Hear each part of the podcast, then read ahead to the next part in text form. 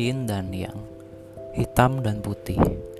Dalam kehidupan kita sehari-hari, setiap kejadiannya pasti ada sisi positif dan negatif yang bisa kita petik atau kita pelajari. Podcast ini kami buat khusus untuk membahas sisi yin dan yang dari semua hal yang terjadi di kehidupan kita. Senang ataupun sedih, inilah kehidupan. Selamat mendengarkan, semoga menginspirasi. Oke guys, balik lagi ke podcast Indaniam bersama gue Yuda dan saya Nabila. Dan ini meskipun di Jumat, di sore hari, tenaga sudah habis, baterai sudah habis, hmm. butuh dicas, tapi tetap semangat. Untuk semangat apa nih? Semangat. Semangat hidup kali ya. Ya ambil dicarilah itu mah semangat hidup mah. Yang pasti kita semangat untuk um, membicarakan satu tema nih atau satu topik nih mas. Untuk oh. episode sekarang kita berapa tadi? Eh, tiga delapan ya? ini ada Anjing, ada ada thread ya dari thread dari Twitter. akun Syahwa Islam. Ya biasa kalau thread-thread dari Twitter kerjanya Mas Nabil ya teman-teman ya karena gue nggak main Twitter. Jadi kalau kalau selama podcast ini di beberapa episode kita ada bahas Twitter kalian tahu lah siapa pelakunya. Ya, yang, menarik, yang nyari nyarinya nih nah, karena kamu yang nemuin, silakan kamu yang bacain, Mas. Kita apa nih temanya minggu ini? Uh, tema kita tuh kayak hmm, tema broken family ya, lebih ke broken family itu ngar family banget ngaruh nggak ya. sih ke kehidupan anak gitu loh? Ya sebenarnya masih agak nyerempet sama episode kita kemarin lah ya. Iya, mempengaruhi nggak sih ya. uh, masa tumbuh anak sampai sampai gede gitu loh ketika mendapatkan keluarga hmm. Mungkin versi broken family masing-masing kali nah, ya itu dia. nggak nggak nggak harus kayak dulu. orang tua cerai meninggal terus ribut itu enggak ya masing-masing ya, ya. versinya mm -hmm. nah di sini tuh ada thread yang mengatakan bahwa beberapa orang butuh energi lebih banyak untuk menjalin relasi hmm, okay. untuk mereka yang di masa kecil merasakan tidak utuhnya hubungan orang tua dan hilangnya peran pengasuhan. Mm-hmm. Semoga dikuatkan langkahnya untuk memaknai arti mencintai dan dicintai. Oh, puitis amat ya anjing bahasanya. Ini dalam sih. Awalnya di ya. sini aku baca belum nyadar sih. Tapi setelah aku pikir-pikir flashback. Apa tuh? Oh ya juga ya, ada bener juga ya. So, karena beberapa orang tuh butuh energi untuk memahamin kondisi sekarang yang udah setuju setuju banget. yang udah berubah ketika makin ke sini kita kayak memandang ke orang beda-beda ya. Iya. Terus ketika Betul. kita berinteraksi untuk menjalin relasi terus untuk ngobrol bahkan ke beberapa orang ya. kok kayak energiku kekuras habis ya untuk memahami ini capek aku, ya. ini aku harus ngapain sih? Iya, gitu loh. Iya, lu ngerasa nggak kayak gitu? Wah mas. Nah ini kebetulan menarik nih karena kan kamu tadi sempat bilang di depan sebelum kamu bacain threadnya kan kamu bilang pengertian broken broken family itu beda-beda. Nah kebetulan kalau dari aku pribadi, menurutku pribadi, pengertian kata broken family lah ya, broken hmm. family itu adalah ketika posisinya kita sebagai anak, tapi orang tua kita itu nggak akur dan nggak harmonis. Nggak usah sampai cerai, nggak usah sampai pisah ya. Masih bareng tapi nggak akur sama nggak harmonis aja. Itu menurut aku itu udah broken. Hmm. Kayak misalnya gini, ini aku nggak tahu kamu pernah ngalamin gak ya tapi semoga nggak pernah.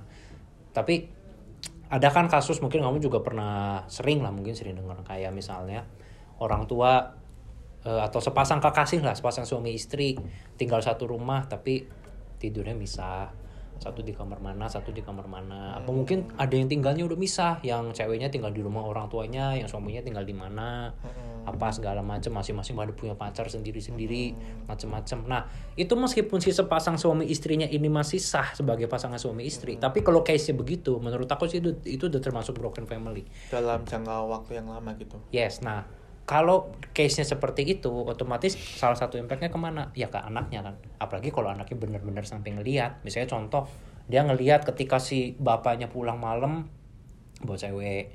Atau misalnya kebalikannya ketika si anaknya ketika bapaknya pulang malam atau nggak pulang-pulang dia ngelihat mamahnya lagi pacaran di rumah.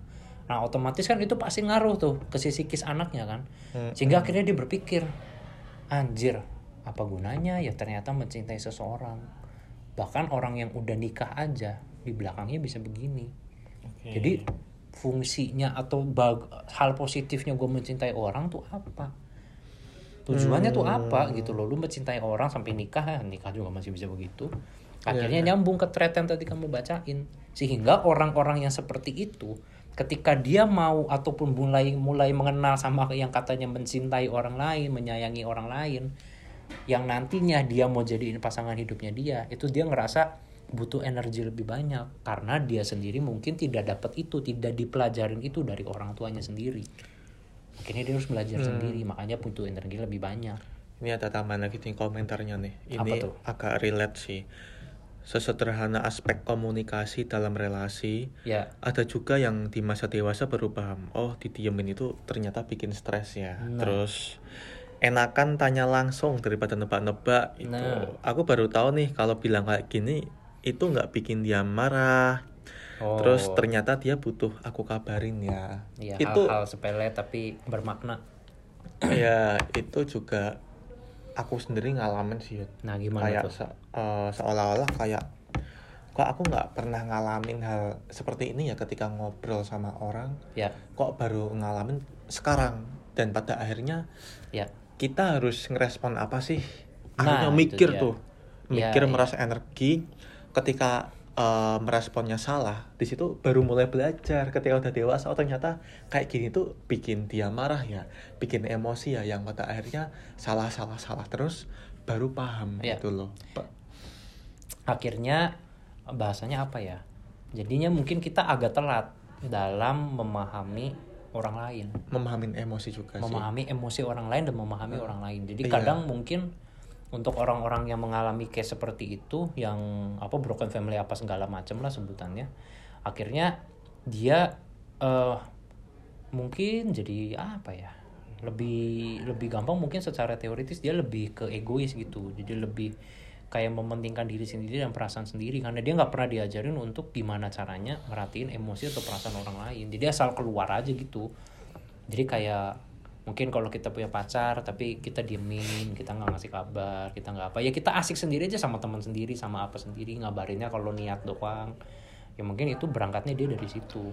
Ya atau mungkin dalam bahasa lain kata lain ketika masa kecil pertumbuhan sampai gede dewasanya itu si anak-anak ini tuh kurang mendapatkan pengertian pengelolaan emosi nah, dalam pembinaan dia. keluarga tuh gimana itu sih dia. jadi ketika udah gede dikasih uh, skenario kehidupan yang nih tak kasih kayak gini nih dia akhirnya baru paham oh ternyata diemin kamu tuh nyuakin kamu tuh bikin kamu nggak nyaman ya gitu loh iya. kok kok aku baru tahu sih sekarang gitu loh akhirnya harus belajar ibaratnya belajarnya harus dari kesalahan dia nggak bisa dikasih tahu dulu biar dia nggak bikin salah nggak bisa tuh karena nggak ada yang ngarah karena nggak ada yang ngarah dan nggak ada yang ngasih tahu dan nggak ada yang ngasih contoh dan adanya ada, contohnya yang salah atau bahkan ketika ngelakuin kesalahan nggak ada yang membenarkan nah, dengan itu konsep dia. saran yang membangun ya yes, dari pihak setuju. keluarga yang pada akhirnya setuju, ketika setuju. melakukan kesalahan mereka menganggapnya ya udah uh, berarti mungkin masih hal yang tabu atau biasa aja nih aku ngelakuin kesalahan. Orangnya juga oke oke aja yeah. tapi di belakangnya orangnya tuh ngomel yeah. terus ngomongin kita gitu loh. Ya yeah. ya. Ya susah sih ya karena aku pribadi pun merasakan bahwa di dulu di rumah tuh ya orang tua begitu. Um, pisahnya sih mungkin pas aku SMP tapi ya nggak berarti dah sebelum itu baik-baik saja tidak. Brokennya udah dari dulu hmm. dan yang selama mereka broken itu ya yang aku lihat sih ya begitu jadinya kayak kalau diri diriletkan dengan kehidupan aku sekarang ya jadi kayak oh ya mungkin karena dulu yang gue lihat tiap hari adalah contoh-contoh yang salah sehingga akhirnya ketika gilirannya gua sekarang yang harusnya sudah bisa mencintai orang lain mulai bisa terbuka belajar memahami emosi orang lain oh kalau ngeginin orang tuh salah loh oh ngeginin orang tuh salah loh itu jadinya akhirnya ibaratnya harus learning by doing gitu loh kalau hmm. harus learning by mistake karena dulunya nggak pernah diajarin yang benernya harusnya gimana jadi akhirnya ya udah nyoba aja dulu kalau salah ya baru dibenerin gitu oke okay. terus ada lagi nih tambahan apa tuh bah tambahan komentar ya. Oh iya. Bahkan untuk relasi ini saking banyaknya menguras energi, membuat seseorang tersita waktu, pikiran, perasaan untuk melakukan hal produktif lainnya. Kayak wajar aja sih kalau orang bilang fokus sekolah dulu baru pacaran. Kelarin kuliah dulu lah baru nikah ya. Ya kayak gini ya. konsepnya gitu loh. Iyalah, kita akhirnya jadi ya udahlah kita kerjain apa yang apa ya ibaratnya tuh ya udahlah kita kerjain apa yang di depan mata dulu aja lah kita kerjain hal yang menurut kita penting dulu aja lah ya udah kuliah mah kuliah dulu kerja mah kerja dulu aja lah ngumpulin duit dulu aja nikah mah Nah. bisa ntar Nah, akhirnya kayak step by step tuh.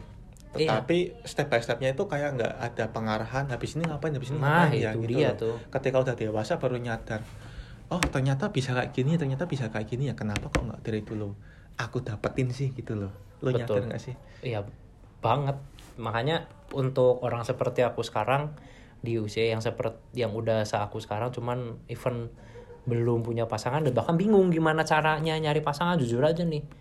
Ya karena mungkin salah satu faktornya adalah ini dari dulunya tuh jangankan diajarin gimana caranya eh, memberikan kasih sayang ke orang lain, ditunjukin juga enggak gitu loh Hmm. maksudnya. Sehari-harinya rata-rata nggak ditunjukin.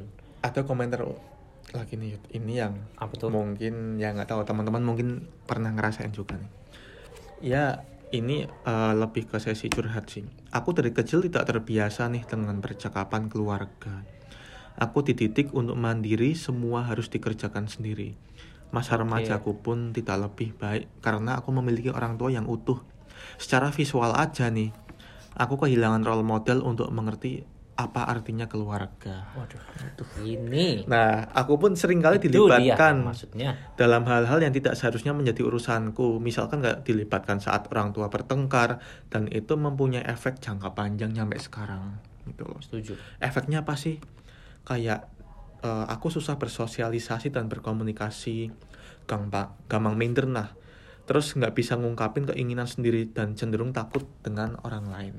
cenderung takut dengan orang lain ya Jadi kayak ya bener sih ada benernya kayak kehilangan role model dalam mengerti apa artinya keluarga sampai dilibatkan hal-hal yang harusnya itu bukan ranahnya kita ya sebagai anak tetapi anak harus memahami pertengkaran orang tua dan orang tua pun melemparkan tanggung jawab itu ke anak dengan harapan anak punya solusi nggak nih? Gitu loh. Anjir itu aneh sih.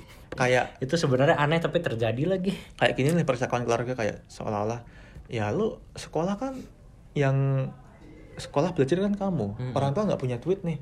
Ya lu cari bantuan kan Anjir, gitu loh. pernah lagi lu lu, sur- itu lu, sih, lu kerja kayak sambilan ya biar bantu orang tua artinya itu Anjir. bertengkar kan? Iya iya iya bener. Yang pada akhirnya ini beneran atau salah nggak sih? Aku sekolah sambil kerja nih gitu loh.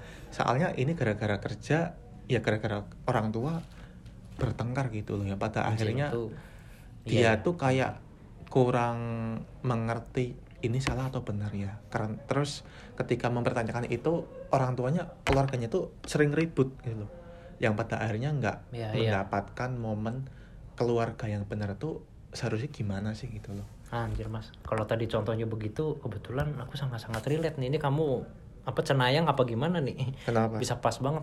Ya aku memang dari dulu dari kecil aku ngalamin itu. Kayak misalnya kan orang tuaku orang tuaku kan dulu sangat-sangat buta yang namanya financial management ya. Hmm. Jadi meskipun dulu anaknya udah tiga, masih kecil-kecil, masih sekolah awal-awal, kan lu tau sendiri biayanya nggak murah kan. Mm, mm, mm. Tapi dengan tiga anak, tiga-tiganya sekolah, tapi dengan keuangan yang sangat-sangat berantakan. Wah dulu aku tiap hari ngalamin sih mas, dimarahin sama orang tua karena biaya sekolah mahal. Percaya nggak aku udah ngalamin itu dari zaman aku TK. Hmm, dimarahin Dimarahin karena biaya sekolah mahal. Anak TK dimarahin karena biaya sekolah mahal. dan kamu harus Ekspektasinya apa? harus ikut campur Harus ikut campur solusi. mikirin. Gimana nih, uang sekolah kamu mahal. Papa sama mama udah gak ada uang buat bayar. Ya lu jangan ngentot kemarinnya goblok. Udah tahu keuangan susah, kerjaan gak jelas, apa segala macem. Malah bikin anak, anaknya tiga lagi, jaraknya deket-deket, cuman setahun sama dua tahun. Terus begitu begitu sadar biaya sekolah mahal, yang disalahin anak ya, anaknya harus gimana dong? bingung ya. Mending anaknya udah SMP apa SMA mas? Kalau kalau SMA lah seenggaknya bisa mulai mikir untuk ya udah deh gue cari duit deh bantu. Ah. anak TK lu mau ngarepin apa dari anak TK suruh ngemis di lampu merah. Apa gimana? Gue bingung nih. Itu punya efek kan Iya. Efek jangka panjang kan nyampe Iya, sekarang itu. Iya masih makanya makanya makanya sampai sekarang aku masih inget cuman Hmm. bingung sih ya. Maksudnya kayak ya di, ya di satu sisi kalau misalnya aku ingat lagi oke di keadaan seperti itu ya siapa pun manusianya siapa pun orangnya di- ketika dihimpit sama masalah ekonomi pasti jadi stres. Hmm. cuma sesetres stresnya lu masa sih begitu gitu kan ke anak sendiri. Akhirnya efeknya apa? Ya sampai sekarang bener kayak yang tadi di komen sama salah satu teman senasib kita ini dia bilang ya apa apa jadi jadi jadinya apa fungsinya keluarga apa positifnya yeah. gue punya keluarga jadi nah, gitu kalau kayak gitu kamu pada zaman dulu ketika kamu diributkan kayak gitu pernah mm -hmm. ngerasain nggak sih kayak apa? bayangin ini kalau ada kelu aku dilahirkan dari keluarga yang, yang kaya udah kaya atau udah yeah. settle lah sekolah pun kamu nggak perlu ikut ikut campur ributnya orang tua. iya, iya. mereka udah punya tanggung jawab dan porsinya sendiri untuk membiayain sekolah kita. Terus yang kamu dapetin cuma tinggal pulang sekolah terus main, main terus dongeng bareng deep talk sama yeah. family gitu. Pernah bayangin nggak sih? Keluarga uh, yang seperti itu gitu loh. kalau nggak salah inget sih ya nggak pernah sih. Nggak pernah. Cuman kayak ya apalagi waktu itu kan aku bocah masih TK apa enggak SD kelas hmm. 1 atau kelas 2 gitu ya apa sih yang bisa dilakuin kan cuman ya nangis nerima nasib. Terus ya udah ngalir aja gitu. Kayaknya kalau aku nggak salah inget sih ya dari dulu sampai sekarang aku tidak pernah sih membayangkan atau mengimajinasikan lah ya what if gua terlahir jadi dari keluarga yang atau orang tua yang kaya raya. Ngebayangin nggak pernah iri pernah. Hmm. kalau ngebayanginnya sih wah enak ya pulang ada yang jemput pakai supir mobilnya iya. mewah ditawarin mau jajan segala macem gitu. iya terus kalau misalnya mau makan apa mau apa segala macem yang harus nyari di luar gak perlu dia yang panas-panasan suruh pembantunya apa gimana nya kalau iri pernah tapi ngebayangin sih kayaknya nggak pernah sih oke okay. tapi percaya nggak sih orang-orang yang sudah terfasilitasi oleh keluarga ya. sesettle itu tuh mm -hmm. pada akhirnya anak-anaknya lebih banyak mendapatkan cara pengelolaan emosi dengan baik karena keluarganya bisa penuh memberikan banyak masukan. Uh, hmm, pengelolaan emosi ya kita bicara Emosi yang pada akhirnya uh, anak itu ya pada usianya itu benar-benar fulfill di usianya gitu ya, loh, ya. nggak harus mem, apa ya memikirkan perselisihan keluarga yang nggak semestinya dipikirin gitu loh. Ah, uh, nah ini kebetulan banget nih ya Mas ya, kebetulan banget sebenarnya aku dari zaman sekolah tuh dulu pas di kampung halamanku dari dari aku SD sampai aku SMA aku banyak sekali atau dikelilingi sama teman-teman si usiaku yang anaknya orang kaya. Hmm. tapi sayang sekalinya aku nggak ada yang deket bener-bener deket banget sama mereka gitu loh. Jadi kayak yang sering main ke rumahnya mungkin atau sering nginep atau mungkin yang kenal orang tuanya segala macam kayaknya aku nggak ada sih jadi maksudnya kalau untuk tahu sampai sedetil itu aku juga nggak bisa jawab. Karena takutnya kalau di hari aku lagi main orang tuanya lagi akur. Tapi siapa tahu di hari yang aku lagi ngamen ke rumahnya siapa tahu orang tuanya ribut. lagi pakai peso sama golok kan kita nggak tahu. Hmm, hmm. cuman kalau sejauh yang aku tahu ya kalau tadi pertanyaannya kamu adalah apakah ketika orang tuanya ini sudah oke okay secara finansial sehingga nggak ada ribut-ribut yang cekcok-cekcok nggak jelas tadi itu membuat anaknya lebih lebih terdidik lah ya lebih bisa mengontrol emosi hmm. uh, kayaknya sih case by case ya case tapi yang pernah aku lihat nggak juga karena akhirnya ini anak jadi biasanya kan kalau orang tua yang kaya yang nggak ada di rumah juga orang tuanya kan Iya sibuk lah. Sibuk kerja semua. Hmm. Akhirnya dia dia sama pembantunya, dia sama supirnya apa segala macem. Akhirnya itu membuat apa? Dulu aku pernah punya teman zaman SMP, anaknya orang kaya banget lah pokoknya di rumahnya udah ada semua. Dia tinggal nyuruh tinggal bahkan di kamarnya ada bel. Dia dipencet mbaknya datang. Wow. Wow mantap kan? Rumah sakit apa rumah tuh? Ya rumah. Okay. rumah dan gede banget memang rumahnya. Nah terus tapi yang terjadi apa? Waktu itu tuh gue lagi main sama dia. Terus sempat bahas apa gitu lah lupa. Kalau nggak salah lagi bahas satu game lah. Waktu zaman dulu kan masih zaman PS2 kan. Zamannya tuh masih paling tinggi tuh paling canggih tuh PS2. Oke, okay, GTA lah. Yang punya PS3 hanya orang-orang terpilih hmm. ya salah hmm. satunya dia sih memang. Game -game GTA. Cuman yang game-game kayak PS2 segala macam yang masih pakai kaset kagak ada hard disk. Itu kan waktu itu kita lagi bahas, oh gila ya main game ini kayaknya seru nih. Tapi karena gamenya masih baru, kita harus beli dulu. Jadi belum belum punya kasetnya tuh, harus beli hmm. segala macam kan. Akhirnya gue cerita lah waktu itu. Kan aku di rumah juga punya PS2 aku bilang iya harus beli teman karena gamenya baru ngantri apa segala macem kan panas-panasan lah apa segala macem. Terus dia intinya bilang gini oh ya kalau kalau kalau gue mah kan gue nggak usah ngalamin itu. Jadi kan gue mah tinggal tinggal nyuruh cupir ntar dia yang panas-panasan wow. Sumpah dia, sumpah, ngomong sumpah gitu. dia ngomong gitu. Aku lupa sih kalimat kalimat exactnya gimana cuman intinya itu. Ya kalau gue makan dia gue tinggal nyuruh supir tadi ya yang panas-panas oke siap nggak salah sih bener kan cuman kalau tadi kamu bilang ya pengontrolan emosi ya menurut kamu tadi itu dia emosinya sudah terkontrol belum berarti kan dia nggak ada emosinya sama supirnya Hmm. Ya bodo amat lu panas-panasan sana. Toh gue udah gak gaji lu kan. Cash by cash ya. Cash by cash jadinya. Oke. Okay. Ada juga orang kaya yang baik, yang tetap pengertian sama staff-staffnya, sama bawahan-bawahannya, sama timnya ya ada. Jadi cash by cash sih. Oh, ternyata berimpact ya dari kecil nyampe gede.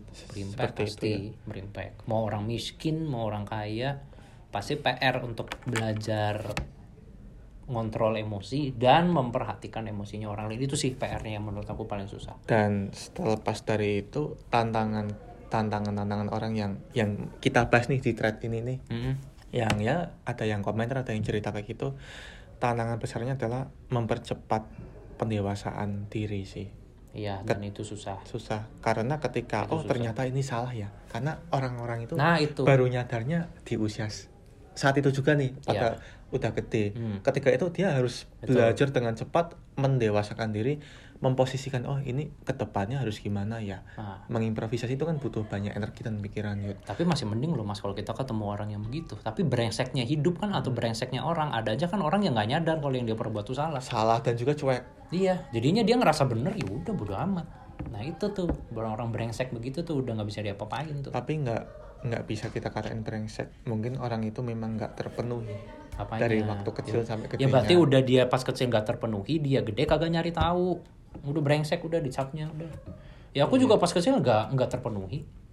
Tapi kan aku belajar. Aku ya ya aku nggak bilang soal aku sekarang aku perfect ya masih banyak kurangnya juga hmm. tapi setidaknya belajar kan tapi kan ada orang yang kita temuin banyak lah udah nggak usah munafik banyak kan yang nggak mau tahu lah yang nggak mau belajar hmm. nggak hmm. mau tahu juga dia gue ya gue nggak mau peduli mau lu sakit hati apa enggak yang penting menurut gue ini yang bener ada kan hmm. kan orang begitu dan banyak kan dan di usia yang bukan bocah loh, bukan usia belasan lagi loh. Iya, memang baru paham. Udah usia 20-an kan. Tetapi kan? memang masih iya, membenarkan. Iya, dasar orangnya nggak mau belajar.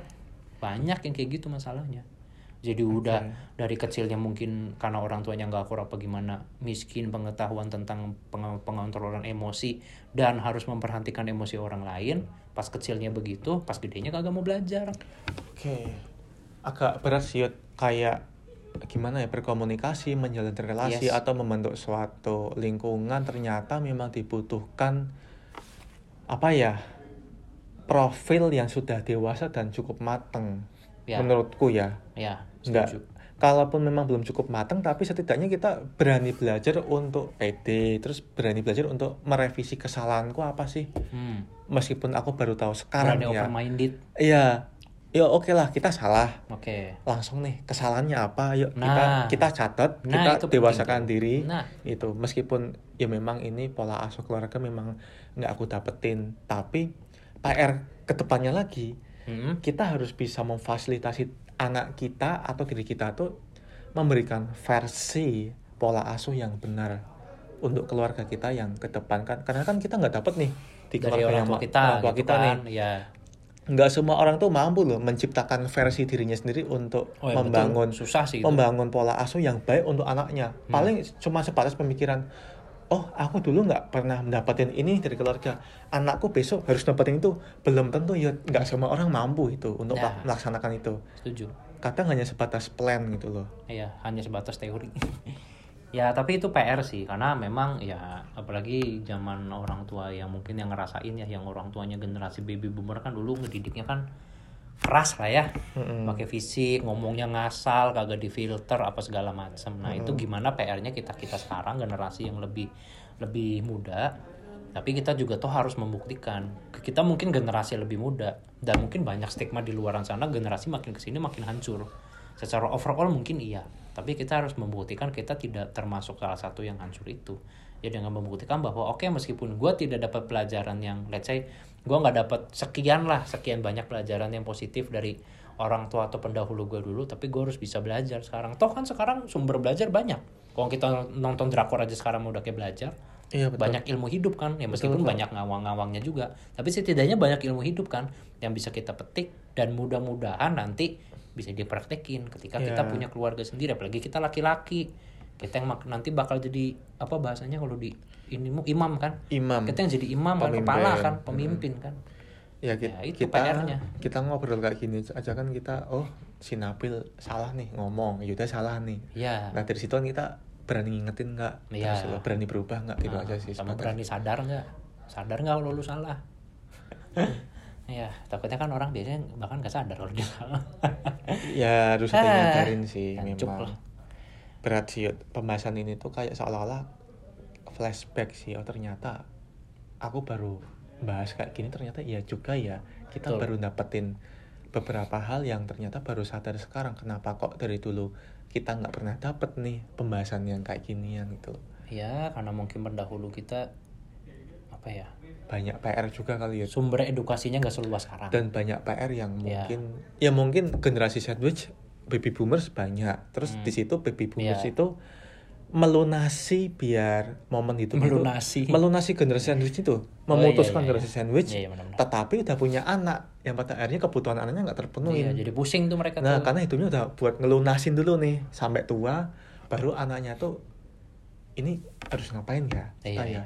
Iya iya, ya benar iya, sih. Bener kan? Ya meskipun nggak bisa dibenarkan, hmm. tapi ya setidaknya itu yang terjadi. Ya semoga yang kita untuk kita dan para pendengar juga ya semoga apa ya yang terbaik lah untuk saling mendewasakan diri dalam berproses ya. Ketika yes. para pendengar mengalami hal yang serupa kita harap ya udah kita belajar bareng-bareng. Nggak masalah kalau salah juga wajar kan? Namanya juga belajar. Iya yang penting belajar lu nya bener. jangan nggak mau belajar itu. Bener. Wah berat ya. Ya punya intinya itulah ya teman-temannya bahwa um, mungkin apa yang kita alamin dulu mungkin di zaman orang tua kita atau para pendahulu kita mungkin kita nggak dapat belajar apa tuh apa tuh kasih sayang apa tuh menyayangi orang lain yang yang baik dan benar tuh gimana gimana sih cara ngontrol emosi kita gimana sih cara ngebaca emosi orang lain segala macam gimana memperlakukannya. Mungkin kita dulu nggak dapet tapi gak gak apa ya ibaratnya meskipun dulu kita nggak dapet tapi ya salah kalau sekarang kita nggak belajar. Karena sekarang sumber belajar tuh banyak. Benar. Jadi ya mau nggak mau karena kita dulu nggak dapat atau misalnya kayak kita merasa kurang segala macam ya di sinilah saatnya dikala semua udah sumber internet semua terbuka ya ini saatnya kita belajar hal yang positif. Jadi kita ya. bisa berkembang. Hmm. untuk menciptakan kehidupan keluarga yang lebih baik selanjutnya. Ya jangan sampai terulang lagi. Ah, kalau terulang lagi mah gitu. marah sih ya udahlah mungkin itu aja. Kalau dilanjutin sebenarnya ini masih bisa panjang lebar banget bisa nggak selesai selesai mm-hmm. tapi intinya mungkin itu. Jadi semoga kalian bisa terinspirasi dan bisa kalau misalnya yang belum belajar ya silahkan mulai belajar supaya nggak yeah. telat lah ya.